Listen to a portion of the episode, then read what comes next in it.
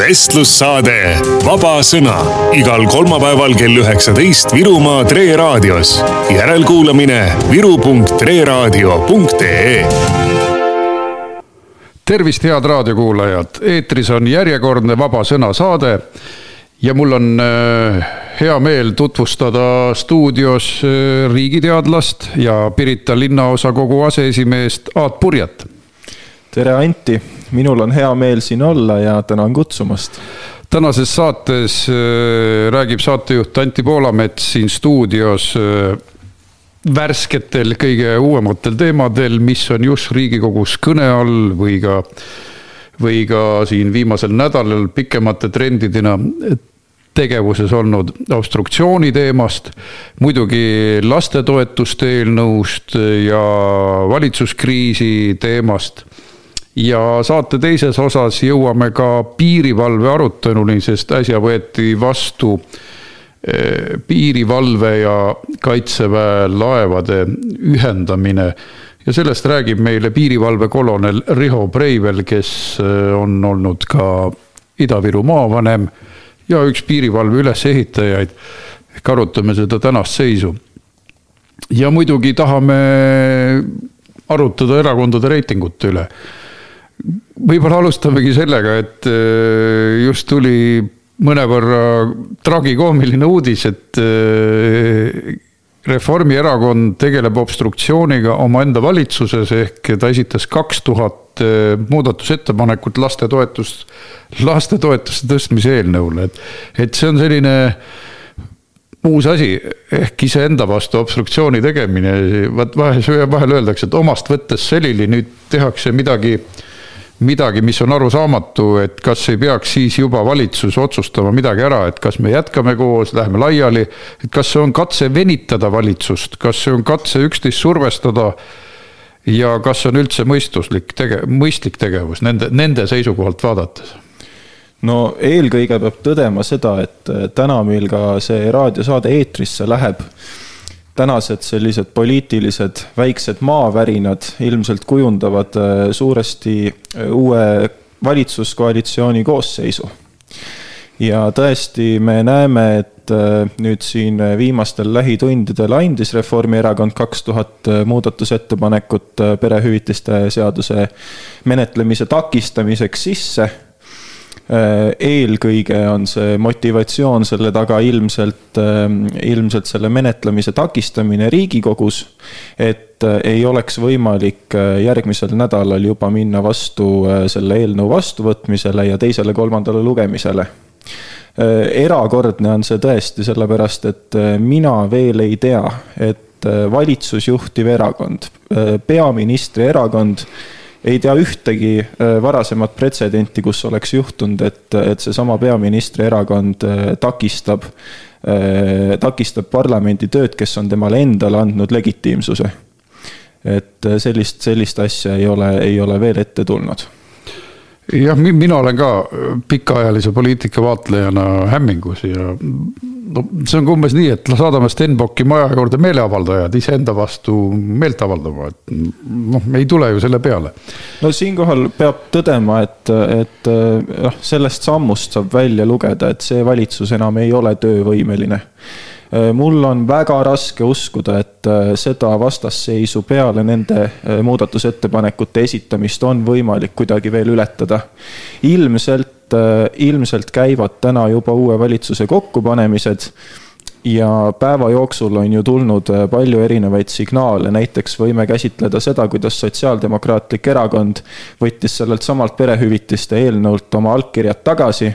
minu meelest see on väga kõnekas, see kõneleb nii mõnestki asjast. jaa, siin äh, käib manööverdamine ja on, on väga põnev poliitiline hetk selles osas, et kuidas siis kaardid laiali laotuvad ja ja tõepoolest, sotside tänane käik viitab äh, sellele, et nad ise räägivad läbi, aga kuidagi kummaline on süüdistada selles EKRE-t, et käib, käib läbirääkimine, kui nad ise ilm, ilm, silmnähtavalt teevad silma reformile, teevad liigutuse, mis on kõigile nähtav. ehk kas ei ole ka selline noh, poliitilised spinnid on arusaadavad, aga kas siin ei ole jälle omast võttes sellini mindud, et tahetakse varjata omaenda läbirääkimisi või kummaline käik, et no minu hinnang sellele on see, et äh, see on äh, puhas äh, poliitilise kommunikatsiooni pettetaktika. et hirmutame rahva ära EKREIKE valitsusega viitame pidevalt kõikides sõnavõttudes sellele, et kuskil mujal käivad uue valitsuskoalitsiooni kokkupanemise läbirääkimised aga tegelikkuses pannakse selle varjus ilmselt ise kokku uut valitsust äh, Reformi, sotside ja äh, ilmselt siis Isamaaga see meenutab mulle lennukite kaitsetaktikat, et nad loobivad välja suurel hulgal äh, neid kuumi metallitükke, et Stingeriga neile kohe pihta ei saaks, et see pettetaktika tõepoolest ja ja, ja siis, kui nüüd loogiliselt edasi minna, siis sotsid saaksid hõlmad laiali lüüa, öelda, et noh, me ei saanud seda lastetoetust sellisel moel, et saime selle üksikema toetuse, nagu nemad tahavad. Aga siis me päästsime Eesti EKREIKE ees, sest nad olid väga kaugele jõudnud ja siis neil on lihtsam oma valijatele kommunikeerida nagu mingi suure päästeoperatsioonina, kui nad ei saa eriti mitte midagi seal koalitsioonis, et ma ei oska muud seletust sellele noh, udutamisele anda, et justkui EKRE peaks põhjalikke läbirääkimisi ja ja mida rohkem sa suudad avalikkuse tähelepanu äh, koondada mingile teisele asjaolule nendesamade läbirääkimiste käigus, seda turvalisem on sul endal samal ajal pidada koalitsioonikõnelusi. ja äh, noh, mina hindaks, et need tõesti hetkel siin äh, praegu kuskil tagatubades käivad. no eks seda arvati ammu, et Keski ja Reformi sundabielu ei kesta kaua ja, ja kurikuulus päikesetõusu valitsus sai ju kohe sümboolse alguse sellega, et paljud tegid, paljud tegid nagu sellist rahvanalja, et kui minister ikka päikesetõusu valitsuse ajal pikali kukub, siis sellel kaua pidu ei ole. ja noh keskerakondlased ju näitavad välja, et see on nende jaoks sund, väga sundabielu ja, ja seda näitab ka nende reiting, et äh, see ei ole seotud sugugi ainult Ukraina sõjaga, vaid nende valija ei hinda reformiga koos olemist. Ja ma ei tahaks pisendada peretoetuste eelnõu tähtsust, see on äh, väga oluline meie ühiskonnale ja, ja suurperesi on vaja aidata aga kui läheneda sellele nii poliittehnoloogiliselt, siis äh, on äh, aru saada, et, et äh, Keskerakond on juba pikemat aega rahulolematu. on näidanud seda suures plaanis välja alates käesoleva aasta algusest, millal hakkas energiakriis juba siis tekitati mitmel korral olukord, kus pandi Reformierakond fakti ette Äh, esitati ultimatiivseid ettepanekuid äh, nendesamade äh, energiakandjate hüvitamiste erinevate lahendustega. juba siis oli valitsus laiali minemas. loodeti, et nende hüvitistega on võimalik märkimisväärselt oma populaarsust koalitsioonis tõsta noh, täna me oleme jõudnud juunikuusse ja me näeme, et see ei ole mitte kuidagi parandanud Keskerakonna reitingut, Keskerakonna kahjuks räägib ka see asjaolu, et, et kahjuks nemad ei suuda enda positsiooni kuidagi Serglet Putini agressiooni taustal määratleda. ja, ja samal ajal, kui Reformierakond naudib oma peaaegu juba kolmekümne viie protsendilist toetust, siis Keskerakond on selgelt hädas ja ilmselt peretoetused on võimaldanud neil siis võtta ette samm koalitsioonist välja, mida nad ilmselt juba pikemat aega on ihalenud. ja, ja see suund on ilmselt see, et Keskerakond täna tunneb, et nii opositsioonis olla oleks neil parem kui täna koalitsioonis. või siis oleks neil parem juhtida mingisugust valitsust ning seda siis juba peaministri toolilt kuidas äh, uus koalitsioon välja kujuneb, kes on seal peaminister, seda täna me veel ette ei tea, aga, aga me võime aimata siin, et, et äh, ilmselt see saab olema Reformierakond. Aga kui me nüüd selle eelnõu sisu juurde läheme, siis tal on sügav sisu, see ei ole ainult valitsuse kiusamiseks ja ei ole ka Keskerakonnal ainult trikitamiseks. aga EKRE-le on see põhimõtteliselt meie üks fundamentaalsemaid programmilisi seisukohti. me peame perede toimetuleku nimel töötama, laste toimetuleku, lastega perede toimetuleku nimel, me teame, kui palju laste kasvatamine kulusid toob. nii et see eelnõu on õigel teel, täiesti õigel teel, ma ei ütle, et need numbrid peavad komakohalt samad olema, aga kompromiss oleks täiesti leitav. kui Reformierakond tahaks, ta võiks ka kompromissi leida, sest inflatsioon on ju selline, mis lööb kõik jalust maha ja, ja kõige rohkem haavatavamad grupid, et eh, pensionärid, kellel on see pension ikkagi nii piiratud.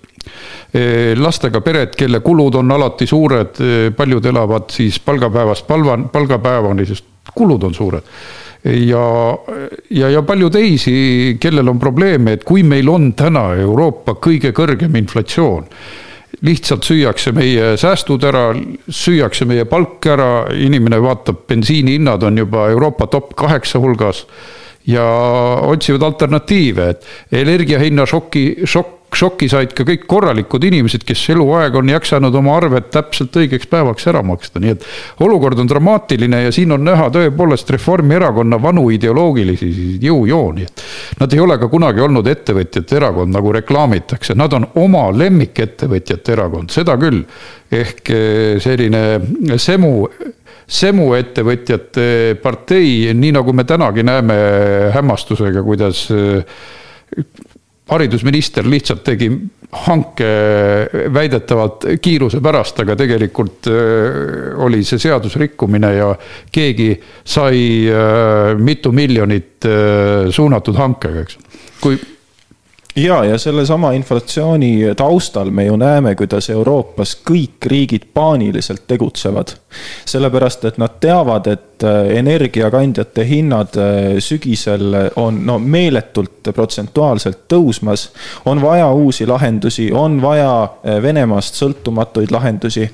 samal ajal on vaja toetustega aidata nõrgemaid sektoreid ühiskonnas ja, ja kõik sellega tegelevad Eestis kahjuks me täna seda ei näe. käesolev äh, veel täna ametis püsiv valitsus ei ole selleks mitte midagi märkimisväärset teinud. Äh, ja kui me vaatame seda Reformierakonna kolmekümne viie protsendilist toetust, siis ega see ju ei kajasta sisepoliitilisi tegevusi.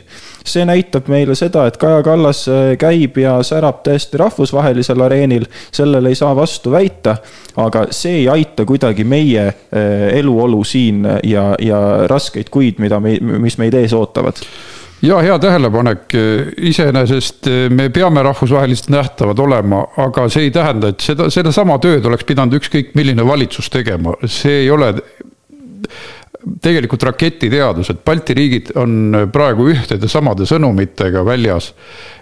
väga särab tõepoolest Leedu välisminister Landsbergis Kaja Kallasele võin panna välispoliitiliselt noh, nelja, tugeva nelja ära, et ta teeb seda, mida vaja. Ehm, ma ei hakka siin äh, siis äh, lõhestama äh, lõhestama tikku pooleks, eks ole, kui hea peab täpselt olema, et eh, kõik Balti riigid teevad oma soorituse praegu ära. ja Eesti teeb oma soorituse mõne koha pealt sõjalises mõttes paremini kui teised rahvuslaste pikaajalise poliitika tulemusel, kes on nõudnud, et et äh, kaitsekulud peavad olema kaks protsenti SKP-st ja tänu sellele meil on üldse midagi anda. ja see, et leedulased on hoidnud seda kulu madalamal, äh, siis on näha ka tulemused, et neil on tegelikult SKP-sse võrreldes neli korda väiksem toetus tegelikult Ukrainale. Äh, Lätil on sarnane Eestile ehk Leedu suudab küll väga tugevaid rahvusvahelisi sõnumeid edastada, käia kohal, aga võrreldes Eestiga neli korda väiksem reaalne abi, see on ikkagi tähelepanuväärne. Ja ma tulen tagasi see sisepoliitika juurde, et täna ma küsisin Kaja Kallaselt infotunnis, et kuidas ohjeldada inflatsiooni ja mida teha, et eh, EKRE valitsus tegelikult pani praegusele majanduskasvule aluse. millise poliitikaga, sellega, et me viisime aktsiisid alla ja eh, kütusehinnad on ju sisend igasse majandusvaldkonda, transport poolt on sisend igale poole. ja, ja, ja selle tõttu ja pluss koroonaaegse stimuleerimispoliitika tõttu meil kinkisime järgmisele valitsusele väga hea majanduskasvu, nad saavad selle vilju nautida. aga Kaja Kallasel on olnud kaks sõnumit ja täna ta ütles mulle, et need lastetoetused on väga kitsale seltskonnale väga kitsale seltskonnale. kuulge, lastega pered on rõhuv enamus Eesti, Eesti elanikest. kes siis, kes siis kõige suurem elanikkonna arv on, et ta proovis midagi parandada pärast minu jutu peale, kui ma ütlesin, et ma ei saa sellega kuidagi nõus olla ja. ja riigikogu pul-, riigikogu äh, puldis äh, Jüri Ratas muigas sest noh, see oli, see oli nii rumal ütlus, et annab ikka otsida, et väga kitsale seltskonnale. See hõlmaks praktiliselt kõiki lastega peresid, eh, kellel on vanust eh, teatud eh, noh, tegelikult isegi üle ülikooli, ülikoolis olevate suurperede, suuremate perede lapsi oleks hõlmanud. ja, ja selle peamine mõte on inflatsiooniga ära söödud raha kompenseerimine, et inimesed saaksid paremini hakkama. ehk see ei ole lihtsalt helikopterilt populistlik raha loopimine, vaid Euroopa kõrgema inflatsiooni tingimustes parema toimetuleku pakkumine ja see on eh, minu meelest majanduspoliitiliselt täiesti tervemõistuslik käik. Ja, ja olukorras, kus riigifirmad juba teenivad sadu miljoneid Eesti Energia näol, eh, see raha on täiesti olemas eh, ja, ja mulle tundub, et see on lihtsalt kuidagi küüniline kas kas lastetute või siis äh, lastega peredesse mõnevõrra küüniliselt suhtuvate inimeste hoiak, et ehk äh, see, et hoidke elektrit kokku ja olge vait, oli Kallase sõnum, et energiasääst on tema põhiline sõnum, aga ei Keskerakond ega ka Reformierakond ei ole läinud rohe, rohepöörde juurte kallale, sellele energiabörsi reformimisele. et oleks alaliselt hinnad all ja ei oleks sellist uskumatut rallit, kus peab omavalitsuste ukse taga, uste taga olema nojah, me peame tunnistama siinjuures, et äh, tõesti eelmine valitsus ja Martin Helme rahandusministrina jättis tänasele valitsusele väga heas seisus riigi rahakoti. Ja, ja äh, tõesti aktsiisialandused, mis tegid äh, ja mis tehti, äh, aitasid oluliselt rasketel aegadel meil kaasa et see on elementaarne parempoolne äh, majandusloogika, et kui me hoiame maksud madalamad, äh, saavad inimesed rohkem kulutada, rohkem raha antakse riiklikku majandusringlusesse ja sellega hoitakse majandust elus. täpselt niimoodi parempoolselt oleme me ka pidevalt toiminud. ja, ja igasugune Reformierakonna poliitika positsioneerib ennast täna hoopis teises majanduspoliitilises äärmuses ja see on see vasakpoolne poliitika, mida nad teostavad. ja ulmepoliitika, sest eh, põhiline eesmärk on selle libateadusega kaasaminek rohepöörde ja inimtekkelise kliima soojenemisega, seal on neil silmaklapid ees ja nad on valmis lennukit, lennukit biokütust täis tankima ja vaata, et lennuk alla ei kuku nende uute projektidega. Ja me, tungitakse metsandusse, põllundusse, igalt poolt peab CO2 kokku korjama. Eh, ja, ja see on noh, hüsteeriline ja silmaklappidega poliitika, mis laastab praegu tööstused.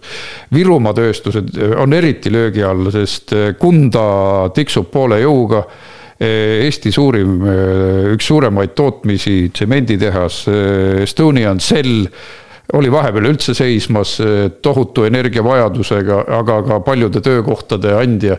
et sisuliselt lõigatakse tööstusel jalad alt sellega ja ka väikeettevõtetel. ma mäletan, kui see hinnaralli oli kõige hullem, siis lihtsalt Rakvere kohvik Grillers pani ustele sildi, et seoses energiahindadega me paneme mõneks ajaks kinni endale, sest lihtsalt, lihtsalt protestiks selle vastu, et ka väikeettevõtjatel on pliitide, pliitide elektri kinnimaksmine toitlustusettevõtjal vägev kulu. Ja eh, jaanuarikuine suutmatus valitsusel eh, efektiivselt eh, leevendada energiakandjate hindu ja, ja aidata ettevõtjaid tõi kahjuks kaasa väga suure languse selles sektoris ja väga paljud ettevõtted pidid omad uksed kinni panema ja siis oli ka muide näha, et siis juhtus tõesti nii, et EKRE läks ka esimeseks arvamusküsitlustes toetuselt. ja Reform muudkui kukkus kolinal ja see näitas hinnangu, rahva hinnangut nende no, majanduspoliitikale. see oli valus, aga tegelikult läheb üha hullemaks, sest nüüd tulevad sõjamõjud ka tasapisi sisse ja aga sellest üksi ei piisa, et telekas olla ja öelda ja jah, et äh, teeme Venemaale rohkem sanktsioone valijale, valijatele, kuulajatele soovitan muidugi mälu, sest äh, rohkem noh me, meeldetuletamist, kuidas sehkendati Venemaaga ja nõuti viisavabadust veel loetud aastad tagasi, sel ajal, kui me hoiatasime, et ei ole, ei ole, ei ole mingit mõtet Venemaaga majandussuhteid süvendada, sest nad veavad alati alt. Äh, ja tuleb ka ennast Vene gaasist ja naftast lahti tõmmata ei, see ei huvitanud mitte kedagi. alles siis, kui pauk käis, äh, hakati midagi tegema ja isegi nüüd on jätkuvalt veel äh, ostusummad suuremad viimase kolme kuu jooksul kui varem. aga ma küsin veel obstruktsiooni kohta, et mis sinu arvates on äh, kõigepealt korra seleta veel lahti, mis see obstruktsioon tähendab, kauge kreekakeelne nimi ja mida ta tähendab ja kui palju seda on paras? ja noh, teatavasti Eesti parlamentaarne praktika näitab seda, et äh, parlamendist on üha enam, mida valitsus edasi kujunemas ikkagi kummitempel. mida selle mõiste all äh, mõeldakse, on see, et äh, valitsuskoalitsioonil on tugev enamus Riigikogus ja võimalik on lihtsalt enda poliitikad äh, seal seadustada, äh, saada sealt äh, tugi enda poliitikatele taga, taha, ilma et parlamendis sees endal oleks üldse mingisugune seadusandlik arutelu. põhiseadus näeb ette, et meie parlamentaarne süsteem töötab nii, et parlament töötab välja seadused, samal ajal on valitsus parlamendi ees seadusandlik või Äh, ühesõnaga äh, aruandekohuslane äh, viib ellu parlamendi välja töötatud poliitikat ja, ja, ja seejuures poliitikad määratleb ja töötab välja ikkagi seadusandlik kogu. see instants riigis, kes on saanud rahvalt otse selle legitiimsuse, kellele on antud rahva poolt hääled aga näed, praegu ilmutab parlament äh, oma nägu ja ongi valitsuskriis käes, sellepärast et kõik peale Reformierakonna ja nüüd sotside, kes tõmbas oma allkirjad tagasi, olid äh, lastetoetuste tõstmise poolt. ja selle äh, nii-öelda kummitempli fenomeni juures ongi siis opositsioonil käed suhteliselt seotud valitsusel on võimalik teerulli taktikaga kõikidest eelnõudest üle sõita ja, ja e, siinjuures e, e, tulebki siis rääkida sellest obstruktsioonimeetmest. see on üks väga väheseid meetmeid mida opositsioonil on üldse parlamendis võimalik kasutada, et enda hääl teatavaks teha. et anda märku, hei, meie oleme ka siin arvestage palun meie ideedega, sellepärast et meie oleme ka osa ühiskonnast. meie siinjuures ka esindame osa ühiskonda ja, ja, ja eh, seejuures, eh, kui nüüd eh, obstruktsiooni tehtakse ja, ja valitsus sellega arvestab, siis on ka poliitikad rohkem kaasavamad ja esindavad suuremat enamust rahvast. ja noh, sellest tulenevalt võiks siis ka arvata, et rahvapoolne heakskiit heakskiit poliitikatele riigis, mis sünnib, on justkui suurem. aga obstruktsiooni kasutavad kõik pooled, kes on opositsioonis, et mina põhiseaduskomisjonis mäletan äh, seda, kus obstruktsioon läks välja igasugustest piiridest, et äh, sotsiaaldemokraadid lasid arvutis trükkida viiskümmend tuhat muudatusettepanekut, arvuti pani kõik numbrid paika no see oli selge piiride ületamine, ehk seal ei tahetud arutelu, vaid või vaidlustust, vaid totaalset põhjalaskmist ja, ja siis äh, abielureferendumi vastu tehti ka üle kaheksa tuhande ettepaneku. Äh, selle vastu minul põhiseaduskomisjoni esimehena oli rohi äh, sellega, et ma valisin välja need, mis puudutasid tegelikult referendumi teemat ja ei olnud absurdsed põhiseadusvastased või naljategemised. ja nendest kaheksa tuhandest oli ainult neli tükki selliseid, mis tegi päriselt alternatiivse ettepaneku ja need me tõime ka Riigikogu saali. ehk oma komisjonidel on oma võimalus sellele vastu hakata. ja muidugi nad oleks selle Riigikohtusse saatnud, aga ma arvan, et me oleksime seda võitnud, selle vaidluse tookord nüüd, kus on maitsekuse piir obstruktsioonil, eks igal parlamendil on ilmselt oma mõõt, selliseid nippe kasutatakse mujal maailmas ka.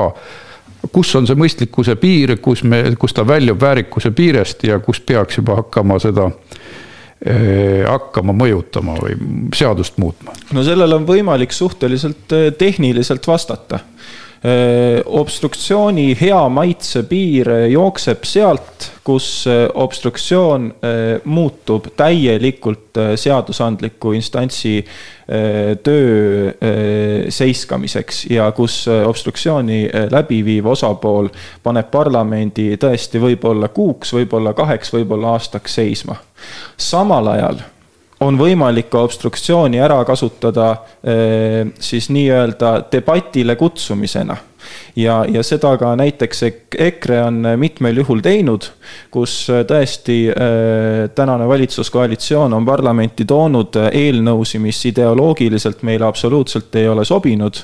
ja, ja äh, igal muul juhul oleks meist täielikult üle rullitud, aga obstruktsioon võimaldas kutsuda valitsuskoalitsiooni laua taha Äh, panna kaardid lauale, arutada läbi, mis on meie huvi, mis on teie huvi, jõuda kompromissini ja seejuures kõikidele osapooltele parima lahenduse välja töötades oleme äh, mitmete eelnõudega suutnud äh, edasi minna, nii et me oleme obstruktsioonilised ettepanekud tagasi võtnud. ja, ja meil, me saime väga suuri asju tehtud, nimelt äh, üks põhjus, miks me seda obstruktsiooni üldse tegime ehk pidurdamist, oli see, et paljudesse seadustesse püüti sokutada näiteks kooseluseaduse paragrahve ehk see sama homokooselu, samasooliste kooselu. Eh, ja me ütlesime, et seadus ise kõlbab, aga see paragrahv visake välja ja meil õnnestus see. ja samamoodi õnnestus ka vihakõne ehk tsensuuri eh, plaan põhja lasta mitu korda just, seda me oleme tõesti korduvalt näinud, kuidas valitsuskoalitsioon tuleb pealtnäha süütute seadustega meie ette ja süütute muudatustega aga natukenegi sinna sisusse vaadates võib seal päris hirmsaid asju maailmavaateliselt kohata. ja just nii, nagu sa välja tõid, siis minu meelest eh, oli see nii süütuna kõlava pealkirjaga kui rahvatervishoiu seadus, millega toodi meie ette kooseluseaduse rakendusaktid. ja praegu näiteks on eh, iseenesest oluline seadus, eh, puudega inimestele parem ligipääs siis erinevatele IT-vahenditele, noh pimedatele ja sellega kõigega võib nõus olla, aga nad tahavad tehnilise järelevalve ametile anda sisuliselt politsei õigused tulla, konfiskeerida arvuteid. See on politsei privileeg, tulla sulle tuppa sisse. ja siis on ka vaja kohtuniku luba, ei käi see nii lihtsalt ning noh, sellistele asjadele vaikselt mingi politseiriigi elementide sissetoomisele tuleb ka vastu olla. aga kas sa protsenti võid veel öelda, palju siis vahepeal on menetletud seadusi ja mitmele me oleme obstruktsiooni teinud? See oli umbes ju sada seadust, mida me oleme, no umbkaudu, see oli päris no, täpne arv. jah, need tänane vali-, valitsuskoalitsioon armastab äh, esineda ja oma äh, usaldushääletusi, mida nüüd on äh, noh, pretsedenditult palju läbi viidud, armastab põhjendada sellega, et, et äh, kogu nende poliitika on takistatud parlamendis, sellepärast et EKRE teeb obstruktsiooni absoluutselt kõigile. no kui natukenegi vaadata statistikat, vaadata andmeid, siis see absoluutselt nii ei ole et äh, viimase aasta jooksul ütleme, et me oleme teinud äh, võib-olla ligemale kümnele meid väga ideoloogiliselt riivavale eelnõule obstruktsiooni, kutsunud koalitsioonisaadikud laua taha, teinud ettepaneku, et sõbrad, arutame olukorda, äh, leiame mingisuguse ühise kompromissi, oleme kõik rahul, on Eesti rahvas rahul aga, aga tõesti siis äh, meedias esitletakse seda justkui olukorrana, kus EKRE on kõikide eelnõude menetlemise puhul praegu takistamas parlamendi tööd.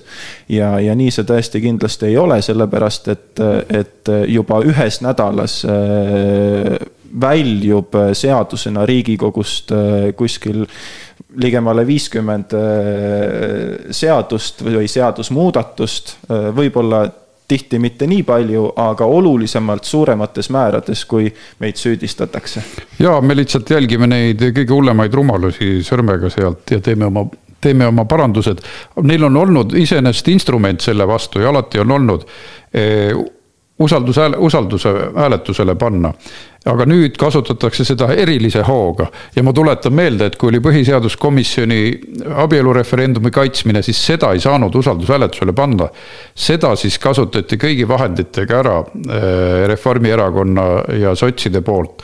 Nad on, nad olid tõesti väga vihased selle peale, et äkki lähebki läbi ja olekski läinud ilmselt kahekolmandikulise häälteenamusega loomuliku abielu põhiseadusesse panemine. no see näitab, mis neile tähtis on, et öeldakse, et hoidke energiat kokku ja olge vait, eks ole, me ei tee mitte midagi, et rohepööre osas seal mõistlikumaks minna. ja, ja, ja siis öeldakse meile, et lastetoetused on väga kitsale seltskonnale ja siis tuleb Kaja Kallas, ütleb, et eestlaste protsent Eestis on kaheksakümmend viis, seda teab põhikooli laps ka juba, et meil on kuuskümmend kaheksa ligi protsenti. Nad ei tunnista tavalist rahvuse definitsiooni, nende jaoks kodakondne ongi Eesti, eestlane Nad ei tunnista tavalist perekonna definitsiooni, iga mängukaru võib teise mängukaruga abielluda nende arvates, see ongi abielu. ja, ja noh, täitsa absurdsed asjad ja majanduspoliitikas samamoodi, et see asi läheb täiesti lappama ehk noh, lausa ebakained järeldused, mida me peame kuulama ja, ja, ja siin infotunnis kuulab selliseid pärleid, nii et head inimesed, soovitan väga kuulata kohati on see tõesti noh, tragikoomiline meelelahutus, aga kuidas Kaja Kallas küllaltki labaselt väljenduses äh, ütles, et me ei ole siin teil mingid sünnitusmasinad, et paned raha sisse ja laps vupsab välja, et kuulge, niimoodi räägib põhikooli, põhikooli õpilane, et Eesti naised tahavad palju rohkem lapsi saada ja siis on täiesti loomulik, et me mõtleme sellele, kuidas seda paremini majanduslikult võimaldada, see on nagu peamine piirang, peamine piirang on majanduslik kitsikus.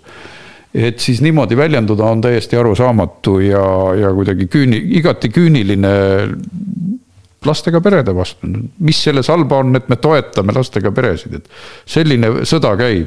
ja öeldakse, et see on väga kitsale seltskonnale mõeldud, see oli muide tänane tsitaat, ma kordan üle.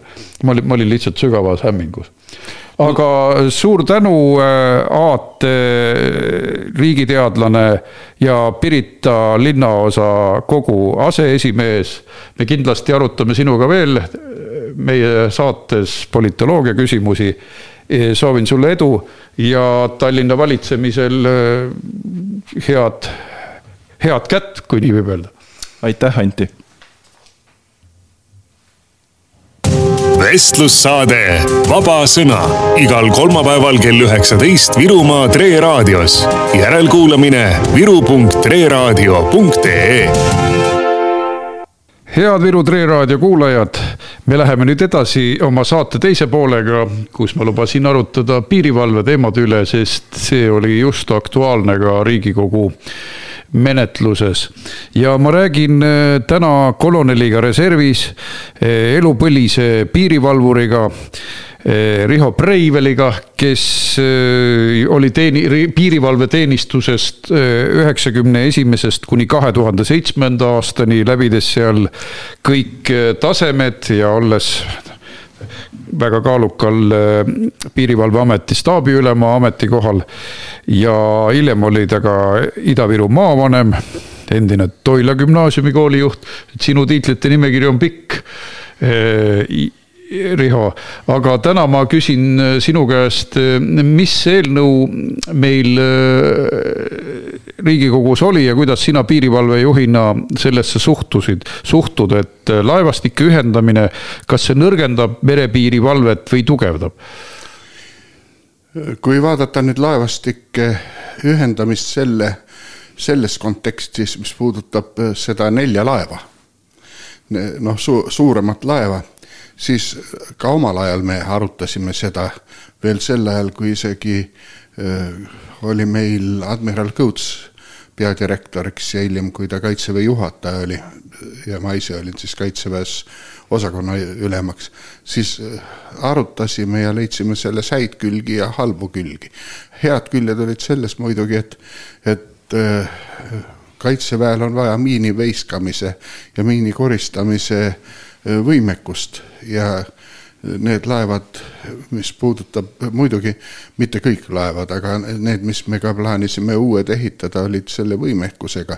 Ja see tähendab ka merereostuse tõrje või ütleme, reostuse korje võimekus peab ka nendel laevadel olema, nii et, nii et see on niimoodi nii ja naa. Noh, vahepeal, kui oli meil juttu siin sellest, et teha üldse riigi laevastik ja koondada kõik ka väikesed alused, see ei ole ratsionaalne. aga nende suuremate laevade viimine kaitsejõudude alluvusse, siin ma ei näe tegelikult sellist suurt probleemi, mis ütleme, piirivalvet kahjustaks. siin ma näen seda probleemi, et kaitsejõududel tuleb lihtsalt lisa, lisaülesandeid juurde ja kas nad on võimelised nende ülesannetega alati täit-, no edasi minema, sest, sest vot kaitsejõududes on niimoodi, et prioriteet on riigikaitse. ja kui seal samal momendil, kui on vaja riiki kaitsta, juhtub mingisugune mm, intsident, mis on vaja lahendada kas, kas siis politseilik või piirivalve seisukohalt, siis noh, kuulaja võib ise otsustada, kuhu siis see laev kõigepealt tormab ja meil äh, selle eelnõu arutusel oli ka naljakaid äh, näiteid, kuidas, et kui nüüd hädaabisse tuleb teade, et äh, Ruhnu saarel on seal peretüli ja naine peksab meest, mis nüüd saab, kas see sõjalaev peab kohe sinna sööstma? Sellel ajal, kui neil on ikkagi esmane prioriteet sõjaväe alluvuses sõjalised ülesanded kui on ülesanne peal, loomulikult ta täidab kõigepealt selle ülesande ära ja siis, kui aega üle jääb ja kütust jätkub, siis ta läheb, täidab ka selle politseiliku ülesande täna, noh, seadus läks niimoodi läbi ja ta läks muidugi väga ebademokraatlikult läbi ja läks läbi, kuidas öelda, valitsusele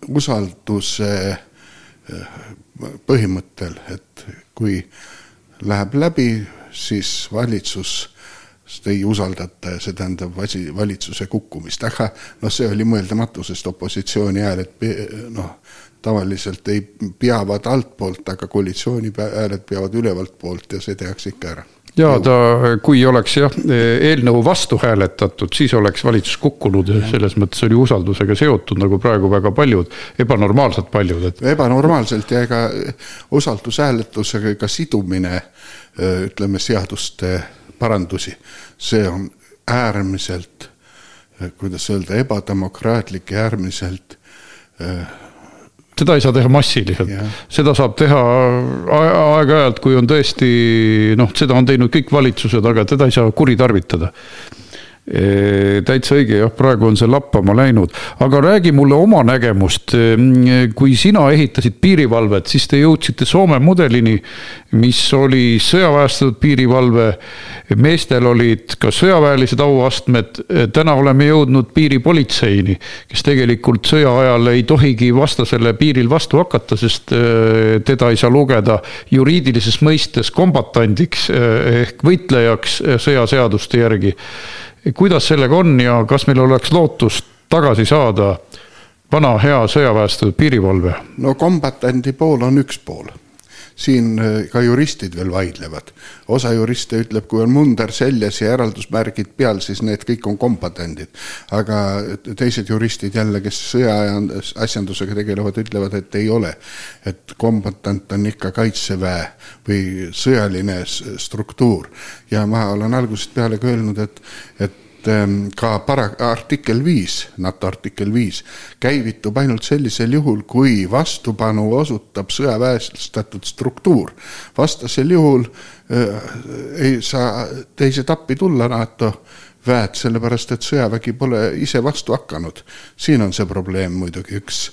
Äh, see tähendab seda, et kaitsevägi peab olema piiridel noh, selle seaduseparandusega me jõudsime tegelikult päris normaalse kompromissini, et pinge eskaleerudes läheb piirivalve kaitsejõudude alla. Aga see tähendab seda, et ta no ja siis, kui seaduses on punkt, et läheb kaitsejõudude alla, siis on selge, et ta on siis kaitsejõudude osa, teatud momendist, ütleme, normdokumentidega saab see asi ära reguleerida, aga ja see tähendaks ka seda, et äh, piirivalveüksused, kes on piiridel, noh, kordonid, ütleme, äh, piiripunktid, nende koosseis peab olema välja õpetatud kaitseväeliselt ja nende gradatsioon ja nende käsuliin peab olema kaitseväeline, sest kogu see süsteem ei saa minna kaitseväe juhtimise alla, kui ta on teistsuguse ülesehitusega allpool. see on loomulik ja sellest said ka kõik osapooled aru, nii Kaitseministeerium, kaitseministriga eesotsas kui siseministeerium siseministriga eesotsas, kuigi nad ei ole meie, kuidas öelda, ideoloogia kandjad, aga mõistus oli neil sel momendil olemas. ja, ja me leidsimegi selle kompromissi, et, et lähemegi sellega edasi ja esimese sammuna teeme selle ära, see tähendab siis seda, et Eh, vastavad ametid oleks pidanud eh, tegema plaanid, kuidas hakata välja õpetama piirivalvureid, kuidas kogu süsteem uuesti hakkab kaitseväeliselt käsuliini pidi tööle. aga kogu see asi kukkus kokku läbi selle, et visati välja laps koos vanniveega, kui mindi usaldushääletuse peale. ja ma olen väga nördinud selles osas, et riigikaitsekomisjon, kes on tegelikult, kus on väga eh, normaalseid inimesi, kes on sellega tegelenud aastaid ja kellega ma olen selles suhtes suhelnud ja kes on alati kiitnud heaks need suunad. Kui kusjuures alates seal Mati Raidma, kes on tegelikult asjast saab aru. täpselt sama Enn Eesmaa, kes on öö, selle komisjoni juht, samuti kindral Laaneots, kes kõik on tegelikult mõistavad seda probleemi. ja kui nüüd oli tarvis see asi seadusesse sisse öö, panna, see parandusettepanek, siis nad jätsid selle parandusettepaneku ka välja. kas siis, ma ei oska öelda, mis, mis seal oli, kas meeltesegaduses, ma arvan. parteidistsipliin, et kui EKRE teeb ettepaneku, siis ei tohi ju seda toetada. no tegelikult meeltesegadus sest äh, see on lihtsalt riigikaitse huvides äh, loogiliselt võttes, selleks ei pea ole... olema erinevates parteide, parteides. tahangi öelda, see ei ole mingisugune parteiline lähenemine asjale, vaid see on riigikaitseline, sest praegu ju Ukraina kogemus näitab, et piiride peal võtavad esimesed lahingud piirivalveüksused vastu. Ja nad, ei ole neil aega piirilt ära minna ega ei ole aega neil oodata, kuni tuleb äh, äh, kusagilt mujalt tuuakse kas siis, kuidas öelda väeosad, mis on vastava koolituse saanud kuskil mujal või siis tuuakse äh, rahvuskaart neile appi. seda ei ole aega oodata, sest äh, protsessid käivad kiiresti ja tänapäeval käivadki kiiresti. ja sellepärast me võitleme edasi, ega ma olen ka ministritega seda asja uuesti rääkinud ja, ja me oleme, me oleme Ukraina sõja puhul selgelt jõudnud samasse punkti, kus kunagi muudeti ära sõjaväes piirivalve, mille me oleme ehitanud Soome eeskujul, tehti piiripolitseiks. et tegelikult Ukraina kogemus kinnitab, me peame tagasi minema. jah, niimoodi ta kinnitabki, sest just sõjaaja ülesannetes ma ei räägi praegu, ei taha kahte asja segi ajada, rahuaja ja sõjaaja, muidugi loomulikult kui meie saame tugeva mandaadi, siis teeme asja mõistlikult tagasi, aga mõistlikult, mitte ma ei räägi ka praegu siin, et, et me hakkame taastama kõike seda nostalgiast. minul nostalgiat ei ole, sellepärast et ma olen kaitseväelane ja ma olen, mõtlen niimoodi, mitte ei mõtle, et, uhke on olla see või uhke on olla teine. uhke on olla Eesti kaitseväelane, kes tegeleb riigikaitsega ja struktuur on kõige parem selleks piirivalve ma küsin sult veel pisut Ida-Viru asjade kohta. kuidas teil Jõhvi volikogus läheb EKRE fraktsiooniga ja mis praegu üleval on? kas samad teemad, mis teistes omavalitsustes, sõjapõgenike teema või on äh, mõned linnamajanduse teemad, elektriarved? no linnamajanduse teemad on muidugi suuremalt osalt sellepärast, et, et meil see sõjapõgenike probleem nii teravalt praegu esile pole tõstnud. ma ise olen küll peatanud praegu tänaseks oma volikogu volitused noh, see on loomulik, sest ma püüdsin, kuidas öelda, alguses neid kahte asja ühitada. ma ütlen ausalt, see on, kuidas öelda niimoodi, enesepetmine, et inimene jõuab, ei jõua kahte asja korralikult teha ja parem tee ühte asja maksimaalselt ja täna ma olen Riigikogus ja püüan Riigikogus ajada just neid asju, mis siin vajavad, vajavad süvenemist. seda oli hea kuulda, et eh, sa said meile külla tulla teeneka piirivalvejuhina ja endise maavanemana. ma tahan kindlasti sind uuesti tagasi kutsuda Ida-Viru asjadest rääkima, sest eh, head kuulajad, meie raadiosaade ulatub ka Jõhvini välja ehk eh, see meie otsesaade eh, levib Padaorus, Padaorus oleva masti tõttu päris kenasti ka üle Lääne-Virumaa piiride. ehk me oleme otsekuulatavalt eh, mõlemas maakonnas. nii et teatage oma headele sõpradele, et Jõhvi kandis, Toila kandis, Lüganuse kandis, et head inimesed, kuulake Viru Tre raadiot sagedusel üheksakümmend seitse megahertsi muidugi ei tasu unustada hommikukohvi kõrvale uute uudiste lugemist, sest sealt te saate ajakirjandust, mida te peavoolust lugeda ei saa. või siis on selle kanali eelis, et sealt, sealt on välja filtreeritud need rumalused, mis siis peavoolust meile kaela määritakse, et ei pea lugema iga, iga nädala paari tagant, kuidas äh, üks ettevõtjatest homoperekond äh, ostis endale USA-st lapse asendusemaga. et mul täitsa ajaleht põleb käes, kui ma seda loen. pidevalt käib üks mingi hullumeelsuse hullumeelsuse, ebanormaalsuse reklaamimine, eks. et normaalsus on ju muutunud justkui sõimusõnaks, et sellepärast eh, ei ole pääsu norma-, kui, kes tahab normaalset kanalit lugeda, lugege konservatiivide väljaandeid, sest eh, lõputu LGTB trall eh, ja ajupesu peavoolus on läinud selgelt liiale jah, elu on üldiselt väga keeruline.